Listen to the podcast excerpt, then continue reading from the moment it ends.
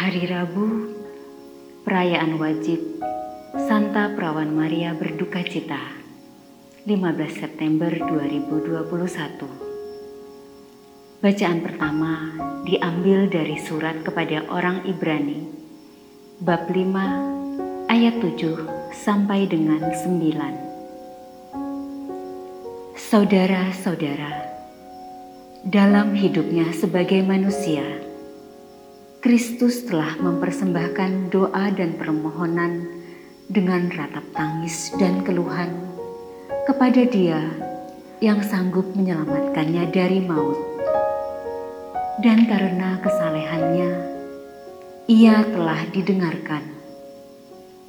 Akan tetapi, sekalipun anak Allah, Yesus telah belajar menjadi taat, dan ini ternyata dari apa yang telah dideritanya.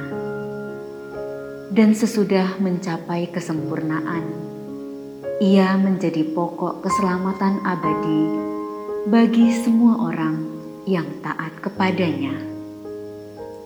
Demikianlah sabda Tuhan. Syukur kepada Allah. Bacaan Injil diambil dari Injil Yohanes bab 19 ayat 25 sampai dengan 27. Waktu Yesus bergantung di salib.